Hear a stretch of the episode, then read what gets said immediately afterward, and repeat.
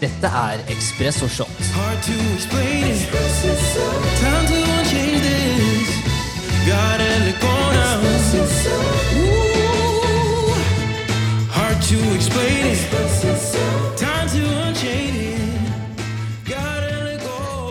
Velkommen til episode tre av Espresso Shot. Takk for det, Henrik. Hallais, hvordan går det? Det går bra. Jeg sier jo til dama at jeg, jeg begynner jo å se deg mer enn jeg ser hun nå. Uh, og det er egentlig ganske trist med tanke på at vi ses en gang i uka. Ja, den var vel konfirmert. Det er ganske trist. Det er ganske... ja, det er, eh, vi ser etter ny leilighet nå, vet du, så da, da ser vi etter en eh, ja, treroms leilighet da, som vi kan ha ett soverom hver. Og så bare tar vi en sånn walkietalkie. Så sier vi hei en gang i uka, og så er det, møtes vi til middag en gang i halvåret. Det er, vet du hva? Det er framtida. Det går ganske bra, altså. Går dritbra. Det er eh, det, flyter, det flyter om dagen. Men Det er eh, godt å høre. det er godt å høre. i dag så skal vi jo prate om eh, ja, det som kan virke som litt eh, selv, eller uhøytidelighet fra min side. Eh, men det er jo selvfølgelig en stor forskjell mellom eh, ja, eh, selvuhøytidelighet og det å være en ass. Så eh, i dag skal vi prøve å skille mellom de to eh, og snakke mer om det. Og da tenker jeg at en veldig bra agenda for i dag at vi skal prate, med, prate om det intervjuet vi gjennomførte med Snorre Klandrud. Eh, og jeg gleder meg til å høre dine tanker eh, rundt han eh, karakteren der. Vi er jo fra samme sted, selv om det skal sies at han er mye lenger inn i skogen enn meg, og det håper jeg merkes. da. Og så skal vi prate rett og slett om det å gå utafor komfortsonen når det kommer til altså humor, da, og ikke ta seg selv så seriøst. Og liksom utfordringene, men også fordelene det har. da. Så først og fremst, hvordan har, eh, hvordan har, det, hvordan har det gått siden sist? Hvordan går det med det? Og det mesteparten går eh, bra. Har, eh, siden sist så har jeg vel Um, Jeg har den, begynt å lese den der Stoic-boka som vi nevnte, om, nevnte forrige episode. Eh, Fy fader, de, de gutta der er vise. Det er mye, mye bra der, altså. Så jeg leser mye om dagen, da. Så leser jeg en annen bok som heter The Marshmallow Test, som handler om selvkontroll. Utrolig veldig kjent sånn psykologisk eksperiment, så det, det er gøy. Så det er mye, mye læring som foregår, og så er det fokus på butikken, på Mindbox, og prøve å få den opp og rulle. Så det, det er bare å prøve å ta steg for steg, egentlig, og nyte reisen. Ja. Så gøy. så Vi skal også dele litt mer informasjon om Mindbox. og Jeg har begynt å dele en god del på Instagram-sida vår òg, for jeg syns det du deler nå, er gull. Og det er så enkelt eh, forklart også. Ehm, så det der må du, det må du fortsette med, for det, jeg ser jo også at det funker. Uh, bare for Expresso sin del òg, hvis, hvis man deler mer uh, type innlegg som folk husker, da, som folk kan lagre. Så ser jeg at effekten av det i forhold til hvordan sida vokser, og har mye, den treffer mye bedre. da. Så det må du fortsette med, altså. Ja, det setter jeg pris på. Jeg setter- utrolig pris på at du gidder å dele av, da. Det Selvfølgelig. Det Skulle bare mangle. Jeg gjør det for at det er kompis, men også for at det er bra. Så det er, det er, bare du som liker de fleste postene. Det er hyggelig at du sier det. ja. Jeg er som en sånn gæren tante. Ja, gæren tante fra Bodø som er sånn 'Å, han der gutten min, Nikolai, han er Fy faen, han gjør det bra om dagen'. Ja, det, er sånn, det er sånn det føles. Ja, men det er herlig. Den effekten liker jeg å gi til folk. Vi setter, Ja, setter veldig pris på de. det er fett. Ja, man må jo det. Mm. Man må jo ha de støttespillerne, holdt jeg på å si, som, eh, som er med. Men den boka, hvordan, hvordan var den? Altså, eller Førsteinntrykket av den eh, 366 eh, Daily Stoics? Ja, så Har du Du har ikke lest den? Har? Mm, nei. Nei. Så den, den handler jo om Eller handler jo om um, Det er jo en, Du leser jo én side om dagen. Så det er bare en kort, eh, kort side. Um, jeg skal vise deg. Så her er, På kameraet nå så viser jeg jo bildet av den boka. da.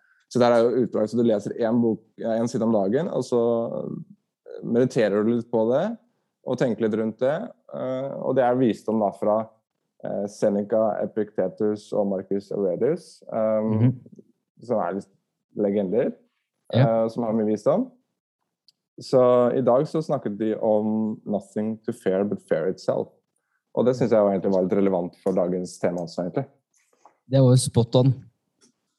Så det var litt Det spot eh, det tilfeldig. Eller var det? Tilfeldig. Eller var det det?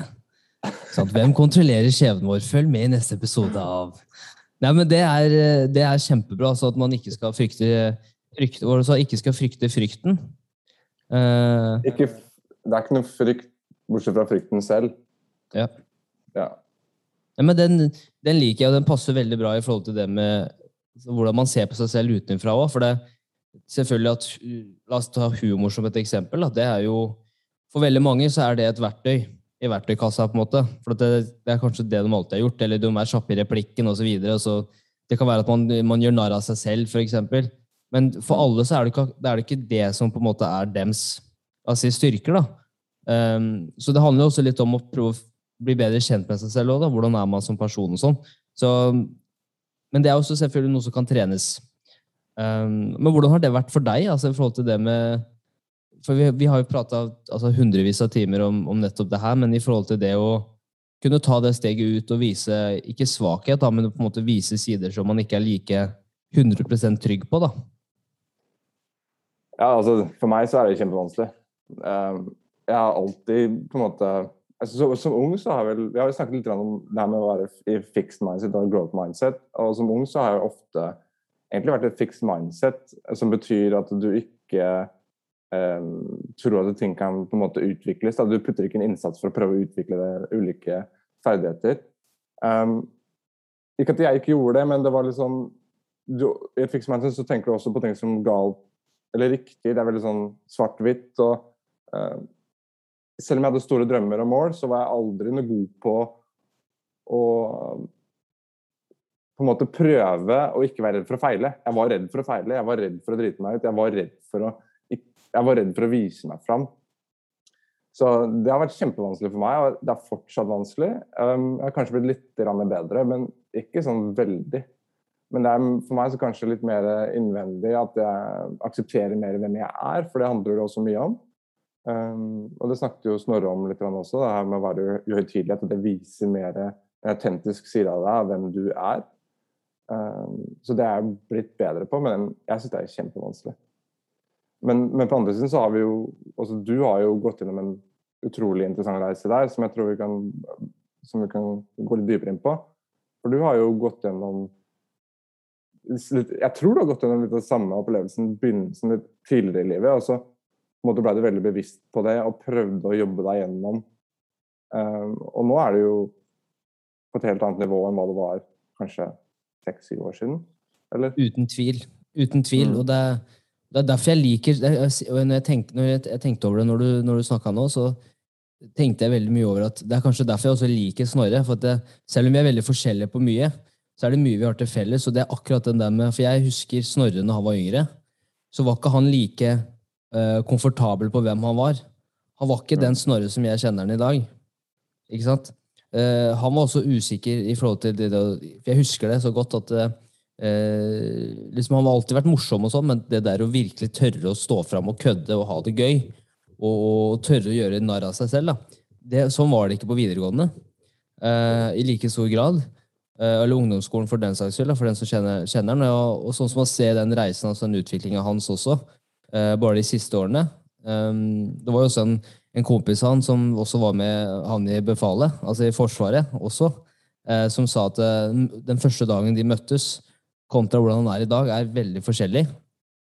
Mm. Og for meg da, så sier det veldig mye at det der handler om at ingenting er satt i stein. At Du kan fortsette å jobbe på styrkene dine, utvikle svakhetene dine. Og det er det samme har vært for meg. for at jeg, jeg har alltid også vært kjapp i replikken og liker å underholde. og Jeg syns humor er morsomt. Jeg syns det er viktig særlig også for min egen helse, liksom, så syns jeg det å prøve å få et smil om munnen til folk, da, prøve å få folk til å smile Jeg tror det kan gjøre så mye i hverdagen. da, eh, At man kan få et mer, en morsom hverdag. Eh, men da har jeg også gjort utrolig mye prøve og feile og føler meg ukomfortabel ved å si ting som kanskje ikke passer helt.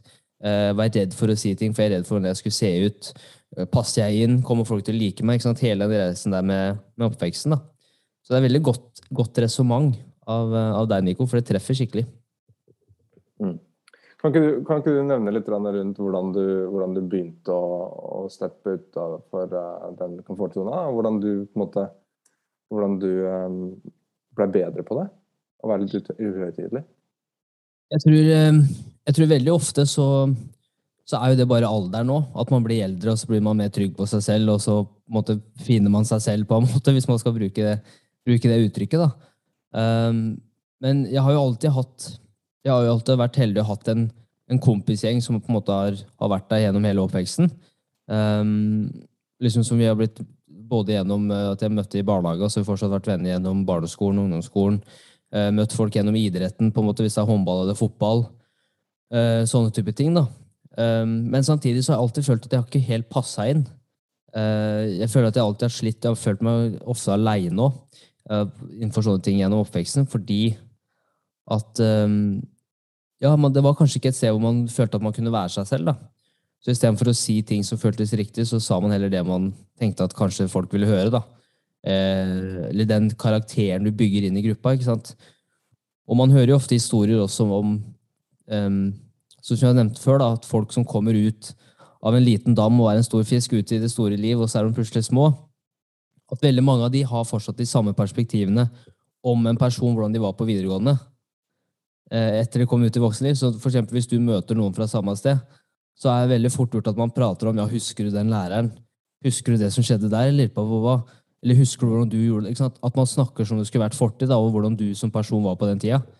Um, og det syns jeg er så interessant, for man glemmer at det, liksom, det er ti år imellom.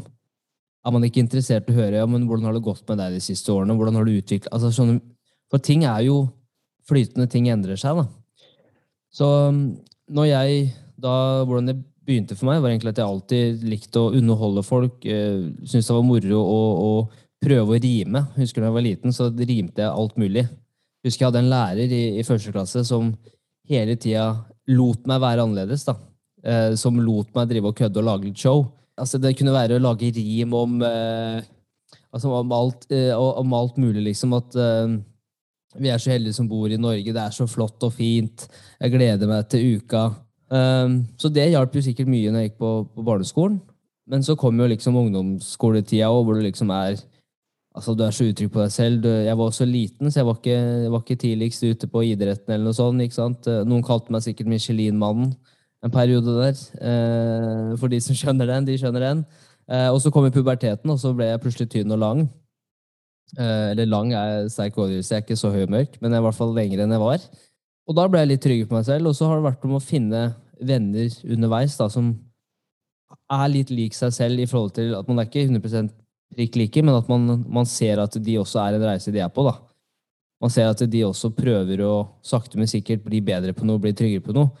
Og for min del så har jeg sett hvor viktig den, den humoren er. da. Um, fordi at selv det jeg gjør i dag, som er veldig formelt, det jeg gjør, så jeg selger og jobber med prosjektledelse med IT, hvor du møter liksom toppledere hver dag, og det skal være veldig formelt, og, og liksom eh, ja, mellomledere og sånn, så er jeg fortsatt Henrik og kødder. Hva slags effekt tror du det har på møtet? At du bringer litt humor til møtet som er eh, i seg selv egentlig ganske formelt? Det er overraskende, det vet jeg at det er. Det er overraskende, for folk har ikke opplevd det her før på lik linje. Eh, det gjør at vi skiller oss ut. For at eh, konkurrentene våre kan prøve å ta den formelle veien, ikke sant? Men hvis alle gjør det samme, så blir du ikke huska. Så det jeg prøver på, da, er å tenke hvordan kan jeg bygge en relasjon til den personen her? Hvordan kan jeg bli bedre kjent med dem, og hva dem ønsker å gjøre? Hva er det, som, hva er det de syns er morsomt, hva er det de ikke syns er morsomt? Uh, har de noe familie? Hva gjør de på fritida? Så kan jeg bygge min humor rundt det. da. Mm. Um, og jeg ser jo at det funker, men samtidig så er det viktig å skille mellom å være profesjonell og ha glimt i øyet, versus å være uprofesjonell og ikke, liksom ikke ta ting seriøst. da. For det var jo litt hva Snorre nevnte jo det på slutten av episoden, det med at han var han prøv, Et av målene hans var vel å være u, mer uhøytidelig uh, for det neste året, tror jeg. Men så sa han at uh, Men det påvirker ikke hvordan jeg er på jobb, sa han. Um, at, det, at, du har, at, du har, begge deler. Yes. det å være uhøytidelig er viktig, og det å være høytidelig er viktig. At det er, det er en kontrast der, og man må klare å switche frem og tilbake. Mm. For det, det, er jo ikke sånn at uh, uhøytidelighet er på en måte uh, det viktigste av alt. Uh, høytidelighet er jo viktig, det også, ikke sant? Så hvis du hadde vært et møte hvor alt hadde vært uhøytidelig, så hadde du ikke fått noen ting gjort. Det hadde ikke vært noe fokus, det hadde ikke vært noe progresjon, det hadde ikke vært noe struktur, det hadde ikke vært noen gode samtaler. Men hvis du bare hadde hatt den høytideligheten, så hadde det blitt kanskje litt for alvorlig. ikke sant? Folk er ikke kreative. De har det ikke gøy, de nyter ikke prosessen, de connecter ikke. Det er liksom Så det er på en måte Mm. de, de, de, Det er viktig at de, de trer på en måte sammen, da. Ja.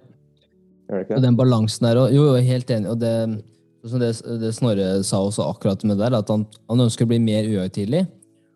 Og det tror jeg er å prøve å finne mer humor i situasjonen han er i. Um, så den delen der må og, så For min del så er det sånn når jeg er på jobb, så er jeg på jobb. Det er 100% seriøs. Ting skal bli gjort ordentlig. Vi skal forberede oss til det møtet. Vi skal levere der innenfor den fristen. Men når det kommer til relasjonen jeg bygger med både de som jeg jobber med, men også de vi leverer tjeneste for, så skal de vite at jeg er en troverdig person. da. At jeg er en morsom fyr, og jeg har det gøy, jeg elsker det jeg driver med. Men samtidig så veit jeg også at det er ikke verdens undergang. Hvis ting ikke går etter planen, da gjør vi det beste ut av det, og så bygger vi denne relasjonen. da. Det er, men det er en dose med ydmykhet der òg, som gjør at det blir det er komfortabelt å kommunisere med deg. Du, du, måte, du, du brekker den isen veldig raskt når du går inn og er litt uformell og uhøytidelig. fordi at det, du vil ikke du, altså Når du sitter i et møte, da, og så kommer leder, så det er en leder som kommer inn og, og tar ansvar for møtet, og så er han veldig formell og veldig strukturert, og sånne ting, da sitter man gjerne litt nervøs på sida der og tenker sånn Faen, hva skjer nå? liksom? Hva, hva, er vi, hva, er vi, hva er det vi kan forvente oss nå? Men men hvis han brekker en isen med en gang og for, sier en dårlig vits eller gjør et eller annet litt sånn humorinnspillet, så, så gjør det veldig, er det veldig komfortabelt for de andre som er i samtalen også. Da. For da tenker jeg sånn så «Oi, ok, jeg, tre, jeg trenger ikke å prestere på topp. Jeg trenger bare å være liksom, engasjert, trenger å være til stede, jeg trenger å være meg sjæl. Det er så spot on. Og så er det også rett og slett det med å spille andre gode òg, sånn som Håvard snakka om eh, i forrige samtalen vår. Og det gjelder like mye når det kommer til den dynamikken med kommunikasjon i et møte, eller hva det er for noe. At du, hvis på en måte folk reagerer på det du forteller, så må du også vise at du er interessert når de også prater, eller når de At du viser at du følger med, da. Mm. Eh, så det er også den balansen der. Men jeg, jeg ser jo det, altså, når, det- altså det førsteinntrykket hvis du er med Snorre, for eksempel, da. Så, så klarer han, han klarer å få deg til å le. Ikke sant? Jeg har vel heller aldri hørt deg le så hardt som du gjorde eh, i den episoden. Nei, jeg holdt på å daue. Jeg holdt på å daue. Jeg begynte å le når du begynte å le. Fy faen, Ja. du holdt på Du måtte nesten Jeg har så stygg latter òg. Når jeg først ler, så blir jeg, jeg hører som en katte som blir kjørt over. Det er, men det er den effekten. Og det er liksom Nå var det jo bare på podcast, man så ikke uttrykkene hans. Men det er også noe med timinga hans som er så morsomt. For det er sånn eh, Ja, ja, altså Det var jo eh, Det var jo ikke så mye annet å gjøre på bygda, da. Um, nei, vi vi var jo mye, det var jo mye utforsking, da. Eller nå er det jo uff, Nå er det jo mange måter man kan utforske på bygda, men eh, det var ikke på den skitne måten. ikke sant? Det er bare sånn Og så er det, de, det er den timinga når han treffer der, som bare jeg, Da klarte jeg ikke å holde meg. Og så hadde det vært en lang dag på jobb, så da var det lett å underholde meg, men uh, i søren det traff. jeg, jeg, alltid, jeg ser jo alltid opp til sånne eh, komikere og sånn. ikke sant? Når du ser på de, og fy faen, måten Hvis du drar liksom uhøytidelighet til humor, da. Uh, og vi ser på komikere og ser hvordan de opptrer på scenen og hvordan de kommuniserer. Det er jo helt rått å se hvordan de leder publikum. og få en, altså, få en litt av den der i det dagliglivet er jo plutselig så Hvis du drar det inn til business igjen, da, eller du drar det inn til noe som er mer seriøst, eller til et mål, så plutselig så begynner du å dra med deg folk på reisen. ikke sant? For du, Ja. det er gøy å være rundt deg, det er interessant å være rundt deg. Um, versus en som bare er liksom grå, da. For å putte det på den måten. Som bare er liksom seriøs. og- Og det har vært meg. Det har vært meg i mange mange år hvor jeg tenker at nei, jeg må bare, jeg må bare være superfokusert. Jeg må være ekstremt dedikert. Jeg må, jeg må bare putte huet ned og bare jobbe hardt. Eh, men du drar ikke med deg så mange folk på reisen. Det blir veldig ensomt plutselig. Men hvis du lager, hvis du har, drar inn den humoren, den uformelle delen, så ser folk at hei, dette er en fin fyr. Det er en fyr Mhm. som eh, Han lærer, og han er morsom. OK, han har lyst til å henge rundt meg. Har det vært noen hendelser som du har tenkt over? Altså sånn hvor, liksom, hvor du har merka at det der med Oi, dæven, her kunne jeg vært mer avslappa, eller eh, sånn type ting? Ja, det er mange eksempler på det. Fotballkarrieren er jo liksom et, et helt kapittel i seg selv. og Det har vært mange ganger der hvor jeg, jeg kunne vært mye bedre på et samhold eh, i forhold til lagkamerater og slippe meg selv ned, men i stedet så var jeg alltid nei, jeg må være fokusert, jeg må være forberedt, jeg må, jeg må prøve å liksom gjøre ting bedre. og så, snubla jeg litt på en måte på egen hånd og tråkka litt i min egen dritt, på en måte. Altså, jeg, jeg trodde at det strategien min var den beste, men så fant jeg fort ut at når jeg så tilbake på det, så var jo ikke det det beste. Jeg skulle ønske at jeg kanskje, hvis jeg hadde gått tilbake i tid, da, så skulle jeg ønske at jeg hadde slappet, slappet skuldra litt ned og, og være, prøve å være en del av teamet isteden. Og spille teamet godt. Um, jeg tror En ting som jeg kom over her om dagen, faktisk, som er litt interessant og relevant til dette her, er jo uh, dette her med lederskap og hvordan bli en god leder. Um, og så, ikke at jeg har noe stor uh, kunnskap på det, men jeg hørte jo på han Patrick Bett Davids, som jeg vet du også vet om. Uh, han er ganske dyktig på det han driver med. Han snakket om dette her med å, å heie på andre rundt deg. Um, og nå går vi litt ut, men, men, men tanken er bare at uh, når du hvis, du hvis du velger å heie på andre, hvis du velger å heie og prøve å løfte opp folk rundt deg, hva som skjer da? Da, da, da senker du dine egne skuldre. Da, da slapper du litt mer av sjæl. Du kan være litt mer til stede, du kan ha, det litt mer gøy. Du kan være litt, mer, litt mindre høytidelig. Uh, og du kan prøve å gi liksom, de folka rundt deg en boost. Uh, han kalte det 'flagship carrier'. Han ønsket å være en person som går rundt og hjelper alle rundt seg, og får dem til å lykkes på reisen. Jeg var sånn, Faen, hvor kult er det? Det er jo kjempekult. Og da putter du veldig mye av det presset du har på deg sjæl, det, det, legger du litt vekk Mm. når du tenker på den måten. Så Ja. jeg syns det var interessant. Den reisen med å finne seg sjæl, det er en lang reise, tror jeg. kan ikke, man kan ikke gå gjennom hele den reisen først, for så å heie på de rundt seg. Liksom, det er lett å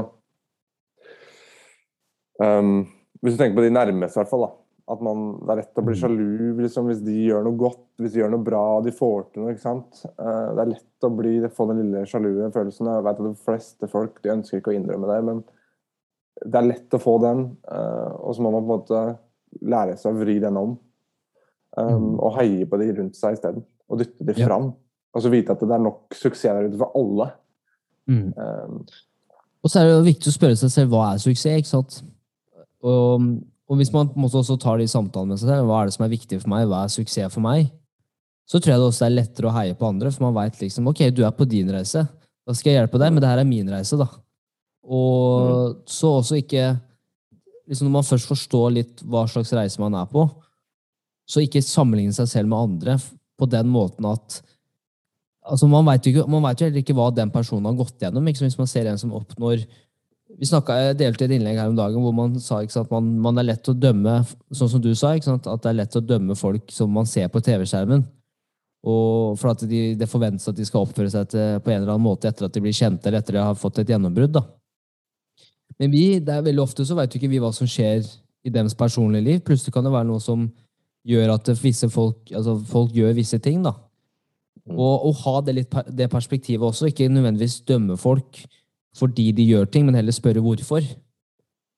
Og prøve å bli kjent med hva er det de egentlig ønsker å oppnå, og hva er grunnen til at de gjorde de valgene. Eksempelvis hvis man skal snakke med andre, men også for sin egen del. Hva er grunnen til at jeg gjør det jeg gjør? Og hva er suksess for meg? Og når man finner ut det, da, eller i hvert fall sikkert kommer nærmere til et, eh, et noenlunde svar, så tror jeg det også er lettere å hjelpe andre på sin reise. Da, for at man, da blir man ikke sånn den båten som bare er fra havn til havn uten at man helt veit hvilken havn man skal, man skal stoppe ved. da. det er lett å begynne å følge andres agendaer før du har eh, Hvis ikke du har satt din egen, på en måte. Da ender du Mm. ofte opp med å følge andres eh, planer. Og bli med på Ja. dine venners planer. Så jeg er enig i det. Du må sette deg ned og tenke hva er suksess for deg, og, og hva du ønsker å oppnå. Det, det er, det er, det er pri, pri nummer én. ikke sant? Å finne ut av hvem du er, og hva du ønsker å få til, og hva slags reise du ønsker å ha. da. Jeg liker godt Erik Bertrand Larsen sier jo alltid dette her, det er ett liv, det er én mulighet. Og hver gang han sier det, så vekker det en sånn tanke med. Sånn, Oi, vi har ett liv. Vi har én Mm. mulighet. Så hva er det du ønsker å få ut av det? Ja. Eh, Jeg tror at det, man, man må stille seg de spørsmålene. Det er kjempeviktig. Nå går vi litt inn på det her å være høytidelig igjen. da. Ja. Så, nei, nei, nei, nei. Men det er jo altså, sånn som det med, som du sier, det er ett liv. Bare for å runde opp på den, da. Et, ett liv, ikke sant, så tenker man, men da er det veldig rart at ikke flere folk faktisk setter seg ned og spør hva man vil. Eller spør, hvis du tenker over det virkelig, at hvis du bare har det livet her, da, Nå er ikke jeg religiøs på noen måte, så jeg tror ikke jeg kommer opp igjen eh, på et annet sted. Eh, hadde vært nice å kanskje våkne opp som en mangemilliardær eh, på, altså, i Cayman Islands og bare leve livet som Richard Branson hvis det er mitt andre liv. Skal ikke, takker ikke nei til den, for å si det sånn. Men, man vet, eh, det, eneste man vet, er jo, det eneste man vet om man er religiøs eller ikke, eh, hva man tror på, det, det, det eneste man vet, er jo at man har det livet her. Yes. Den tida Det er her. og så- kan man ha tro på hva som skjer etterpå, det er jo helt greit. Ja. Det er jo helt greit det. Men vi må fortsatt ta utbytte av den tida vi har her. Og, det, og det, det bringer meg til liksom det med å faktisk sette seg ned og spørre seg selv hva er det jeg faktisk ønsker å oppnå. da? Um, og det er jo det ene vi, vi prater om, men så er det litt det med selvhøytidelighet. da. Eller uhøyt, uhøytidelighet. Ikke ta seg selv så seriøst. Jeg tror også det er viktig å tenke over, fordi at til syvende og sist altså er det du som bryr deg om dine egne meninger. Eller det er du som bryr deg om deg selv. Altså, jeg tror hvis man gjør feil, så folk bryr seg egentlig ikke. Det er samme som på treningssenter. Alle er så nervøse for hva alle andre tenker om dem, hvordan de ser ut på det treningssenteret. Men hvis du ser på de fleste på treningssenter i 2021, med vår narsistiske generasjon, så ser 99,9% på seg selv når de står og trener i speilet, og noen digger det de ser, og noen, noen er litt usikre på hva de ser. Jeg, jeg har jo selvfølgelig lagt merke til det. Jeg, jeg, jeg ser jo den. eh, Men det er jo Det er interessant å høre hva de tenker, da. Det er, lett å, Ja. Det er jo lett å se hva de gjør. Mm. Men de har jo kanskje andre mål, eh, ikke sant. Det er kanskje den, den duden som sitter der og, og grunter eh, står, sitter og løfter jeg vet ikke, 150 kilo i benkpress, og, og kanskje han trener mot en konkurranse, ikke sant. Mm. Um, Uten tvil. men, Eh, men, men bare sånn i forhold til det her med det man må sammenligne seg med andre, da. For det er jo kanskje det som er litt skummelt uh, når vi snakker om det her med treningssenter, og du ser på alle rundt deg, du ser deg i speilet, og du tenker du er kanskje litt usikker og sånne ting. Det kan jo være veldig ødeleggende. Um, jeg, jeg leste en sånn quote eh, for en stund siden som sa det her med at aldri sammenligne deg med hvor andre er i reisen, sammenligne deg med hvor du er i reisen. Altså, nei, hva var det for noe? Ikke sammenligne deg med hvor andre er i reisen, basert på hvor du er i reisen. Det er sånn som at mhm. når du ser andre har lykkes, ikke sammenligne deg med det hvis du ikke har lykkes enda. For at du er bare i begynnelsen av den reisen. Ja. Så du kan ikke sammenligne deg med hva folk har gjort, fått til, hvis du allerede bare har begynt reisen. Ja. Um, Ja, det, det gir, gir full mening for min del. For det er samme som vi, vi har snakka om det med f.eks. teknologiselskaper òg. Med veldig mange yngre teknologiselskaper òg. Når de begynner å snakke om ja, vi gjør som Amazon. Ja, vi gjør som Amazon i dag, eller? Som er et av de mest verdifulle, verdifulle selskapene i verden. Eller skal vi tenke som Amazon når de begynte? mm. Det er det samme, ikke sant? Um, men den, det liksom poenget der var jo i forhold til at jeg tror folk har nok med seg selv. jeg mener? Jeg tror Ja. folk har nok med seg selv i løpet av et For livet er ikke bare bare det heller.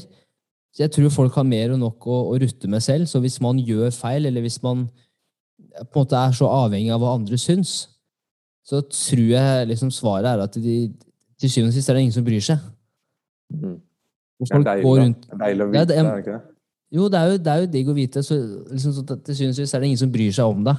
Altså, jeg pleier å si det, og det er veldig, sikkert et sterkt utsagn, men jeg tror at ja, vi er flokkdyr, og vi er relasjonsdyr, og vi er avhengig av andre menneskers bekreftelse, kjærlighet osv. Men jeg tror i det samfunnet vi lever i nå, så, så tror jeg at jo fortere man skjønner at ingen bryr seg, jo lettere kan det være å faktisk ta det steget ut, og ikke være så høytidelig. Fordi man skjønner sier, at ja.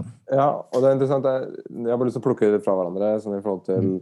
Når du sier at ingen bryr seg. Jeg, jeg er helt enig i det. Jeg tror folk har fokus på seg sjøl. så den er jeg helt enig med. Hva tenker du i forhold til hvem er det som ikke bryr seg, og hva er det de ikke bryr seg om? Hvis det er Mm. mening? Er det at de ikke bryr seg om deg? La oss si at du har en god kompis. Er det at de ikke bryr seg om deg? Eller er det at de ikke bryr seg om Du setter ikke så mye mening på hva du gjør, hva du prøver å liksom, når, når, du, når du tar deg selv utenfor komfortsonen, og du gir gass, og du prøver å få til noe, er det at ikke de putter så mye mening eller rundt det? At ikke de dømmer det så mye som du tror? Eller er det det at ikke bryr seg om hvem du er som person? Veldig godt, veldig godt spørsmål. For min del så er det de bryr seg om deg som person, men de bryr seg ikke nødvendigvis om handlingene du gjør. Med mindre du er en jævla idiot da, og vil andre vondt. Men jeg tror, ikke, jeg tror ikke folk rundt deg bryr seg så mye om hva du gjør, handlingene du gjør. Men da, Så da mener du neg negativt sens? sa det det er en sånn kan- de, de, Men negativt igjen er jo De dømmer deg ikke for eksempel, hvis du gjør ulike valg som er viktige for deg. da. Ja. Hvis du ønsker å si opp jobben og prøve å satse som, som gründer, eller hva det er for noe, så, så tror jeg ikke de bryr seg ikke om det. på en måte. De kanskje har noe mening om at du må jo tenke på trygghet og det ene og det andre. Det tenker jeg de kanskje kommenterer. Men jeg tror også til syvende og sist, så, så lenge du er en bra person, så lenge du vil andre vel, så da tror jeg ikke det er noen utfordringer med å på en måte gjøre det man vil, da, så lenge det ikke går utover andre. Så det det, er det jeg prøver å kommunisere med sånne ting, er å si at liksom, uansett hva du gjør. Vær en bra person. Liksom, ta vare på de rundt deg. Eh, liksom, vær en likende person. Eh, jobb hardt uansett hva du skal jobbe med. Men forstå at til syvende og sist, det du gjør, er Det er ingen som syns det du gjør, er viktigere enn deg sjøl. Mm. Jeg er enig. Og da, der kommer, da, og da tenker jeg jo sånn Det er jeg helt enig i. Og så tenker jeg at da er det jo mye verdi i å faktisk bry seg om på en positiv måte. da. Når folk tar det steget eksempel, og, og driver Yes. business og slutter på jobben. Hvis du er den personen da som støtter den reisen og, Ja. og bryr deg og for, Det er ikke sånn at du setter, setter forventning på dem, men at du, at du hjelper dem, at du støtter dem, at du viser at hei, jeg er her for å hjelpe deg. Mm. Um, da er det utrolig mye verdi i det, da, siden de fleste folk Ja. ikke kanskje gjør det. Mm. Jeg er helt enig. Og det er, jeg tror liksom altså, det, er jeg, det er derfor den delen, det der med ikke ta seg selv så viktig, er, jeg syns er så essensiell. Eller den er så uvurderlig i, i, i dag, da, fordi at alle går rundt og sammenligner seg selv med andre. Eh, I et samfunn som på en måte er mer og mer inntrykk enn noen gang før, med sosiale medier som gjenspeiler en virkelighet som egentlig ikke er riktig i det hele tatt. Og når man ser på alle det her, så tenker man jeg burde jo fått til det, jeg burde jo sett sånn ut, jeg burde jo spise det.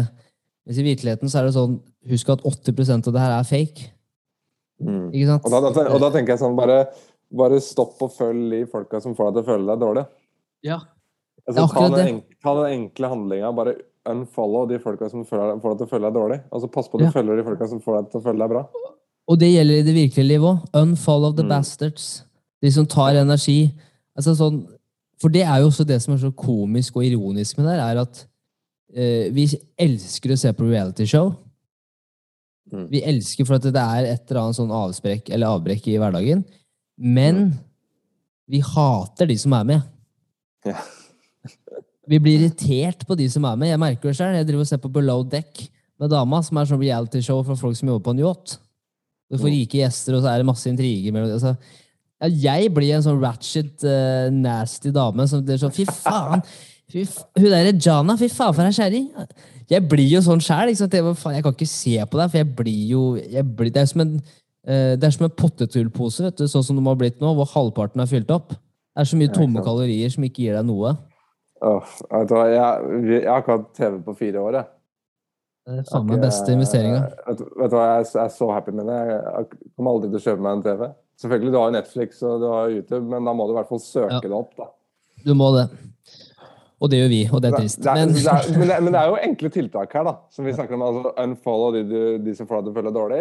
Andre Ja. ting som du kan gjøre, da, som tak taktiker her, som tek tekniker her nå. Altså, du kan jo bruke sånn adblockers for YouTube og Facebook, så ikke du får opp Mm. feeden, f.eks. Det bruker jeg. Vet du ja, samme her. Jeg ble, jeg ble ganske avhengig av å, å klikke på neste video på YouTube. Neste video, neste video, neste video. Fader, altså, det, det, jeg kaster bort så jævlig mye tid. Altså, måtte, det her må jeg finne en løsning på, og da fant jeg det var en sånn adblocker, så du får ikke opp nye videoer.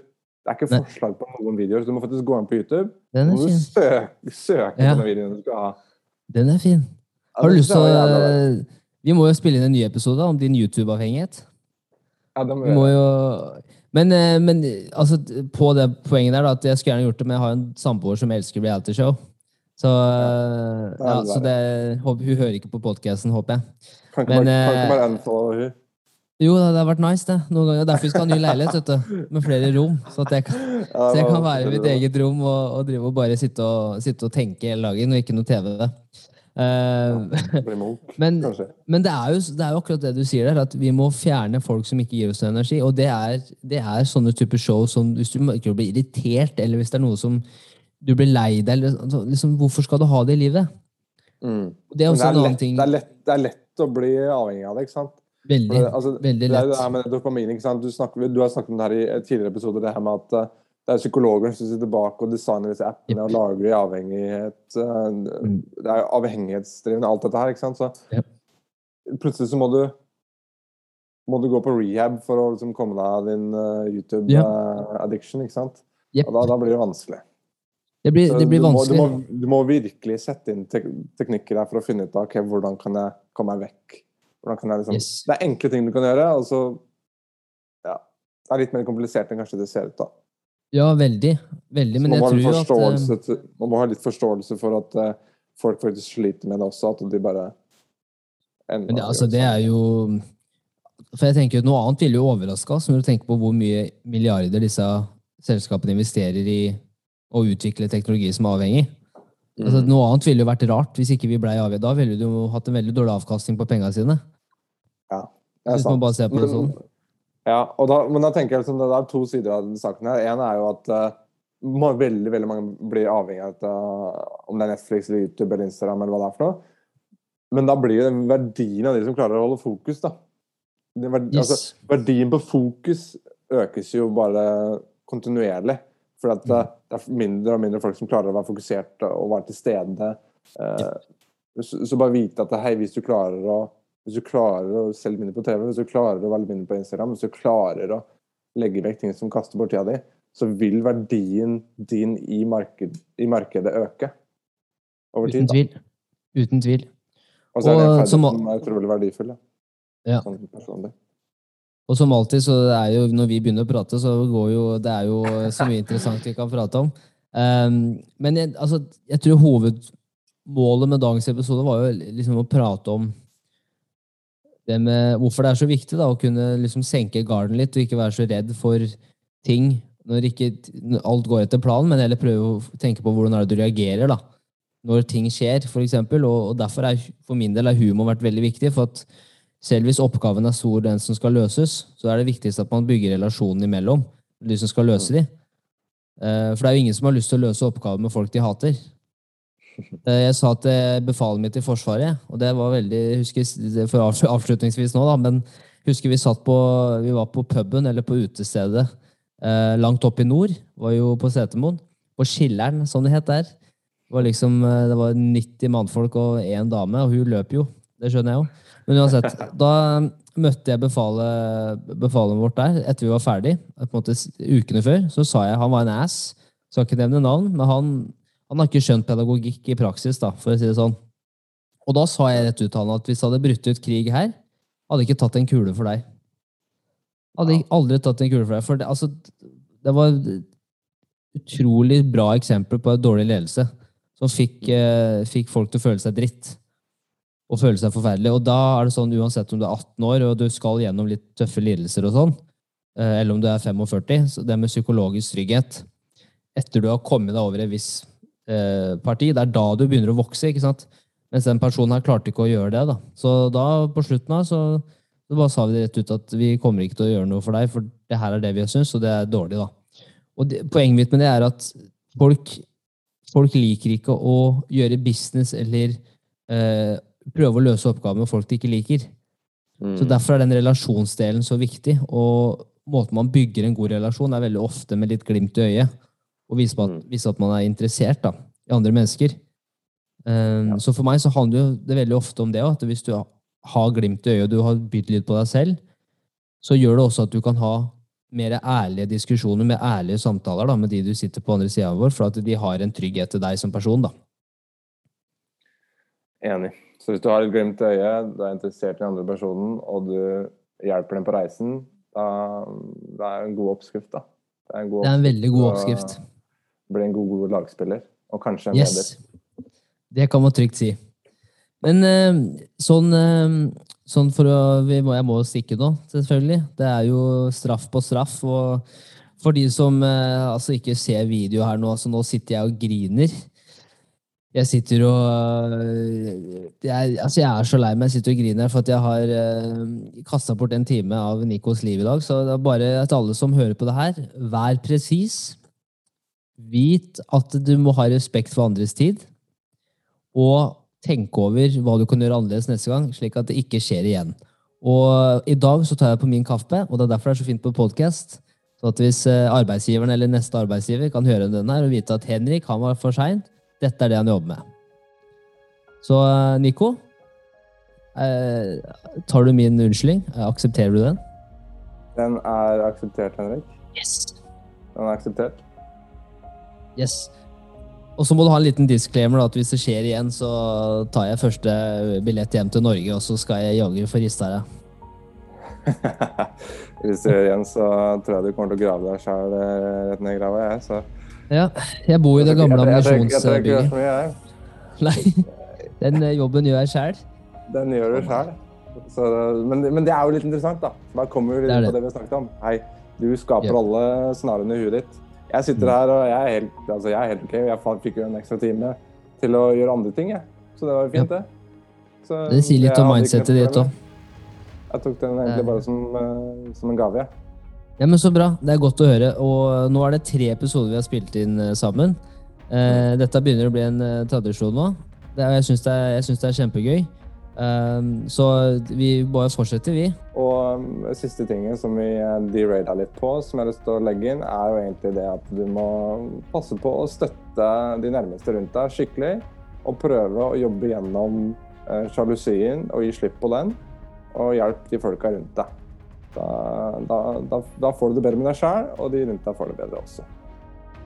Det tror jeg er famous last words. Eller det, er jo, det blir jo ikke det, for du kommer jo tilbake igjen, men jeg tror det er eh, en veldig bra avslutning.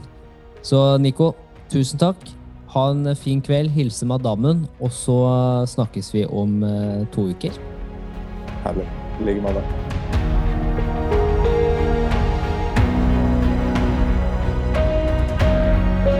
Dette er Espresso Shot.